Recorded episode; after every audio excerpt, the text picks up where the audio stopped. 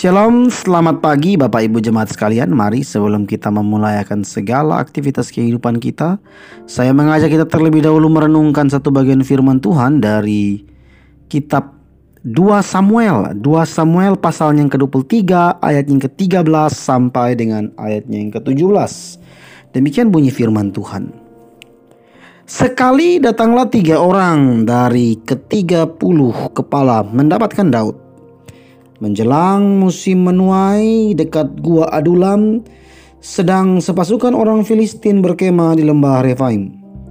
Pada waktu itu Daud ada dalam kubu gunung dan pasukan pendudukan orang Filistin pada waktu itu ada di Bethlehem. Lalu timbullah keinginan pada Daud dan ia berkata, sekiranya ada orang yang memberi aku minum air dari perigi Bethlehem yang ada dekat pintu gerbang, Lalu ketiga pahlawan itu menerobos perkemahan orang Filistin. Mereka menimba air dari perigi Bethlehem yang ada dekat pintu gerbang, mengangkatnya dan membawanya kepada Daud. Tetapi Daud tidak mau meminumnya, melainkan mempersembahkannya sebagai korban curahan kepada Tuhan. Katanya, "Jauhlah daripada aku, ya Tuhan, untuk berbuat demikian. Bukankah ini darah orang-orang yang telah pergi dengan mempertaruhkan nyawanya?"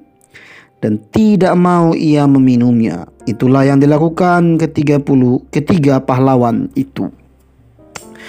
Bapak Ibu jemaat sekalian, di balik kisah sukses orang Daud, ada banyak campur tangan orang yang dipakai Tuhan guna mendukungnya. Salah satunya adalah Triwira, pahlawan yang tergolong dalam pasukan elit yang sangat disegani. Meski Alkitab tidak mengupas kehidupan pribadi mereka, tiga orang ini secara terperinci, bahkan namanya pun tidak disebutkan, namun kisah kepahlawanan mereka begitu hebat dan heroik. Bahkan pengorbanannya membuat Daud sangat terkesan.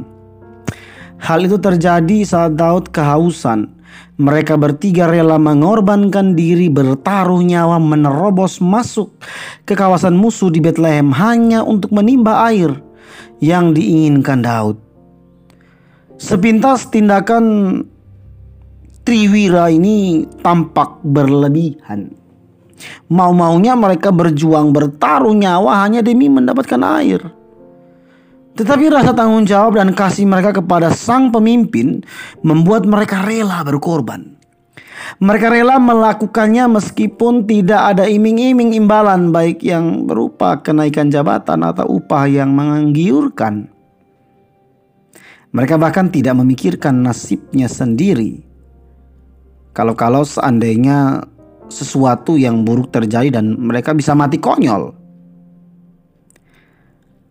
Bapak Ibu jemaat sekalian, seberapa besar kerelaan hati kita yang kita miliki dalam berkorban demi menyatakan tanggung jawab dan kasih. Baik terhadap Tuhan, keluarga, gereja, bahkan juga tempat di mana kita bekerja. Tidak ada alasan bagi kita untuk tidak rela berkorban dalam menyatakan kasih karena Allah sudah terlebih dahulu berkorban habis-habisan demi menyatakan kasihnya bagi kita. Di tengah situasi zaman yang semakin mengedepankan keuntungan diri sendiri, nama masing-masing seorang oh, se, seorang diri mencari nama dan sebagainya. Masihkah kasih yang tulus itu kita miliki? Pada hari ini kita diingatkan lewat kisah Triwira, tiga orang pahlawan ini. Seperti mereka yang rela berkorban demi Daud yang mereka kagumi dan kasihi. Demikian kita pun diingatkan seberapa besarkah kita mau berkorban bagi Tuhan, bagi keluarga kita, bagi gereja. Mari, nyatakanlah pengorbanan diri dan rasa tanggung jawab dalam kasih kepada hal-hal penting bagi kemuliaan nama Tuhan. Tuhan Yesus memberkati.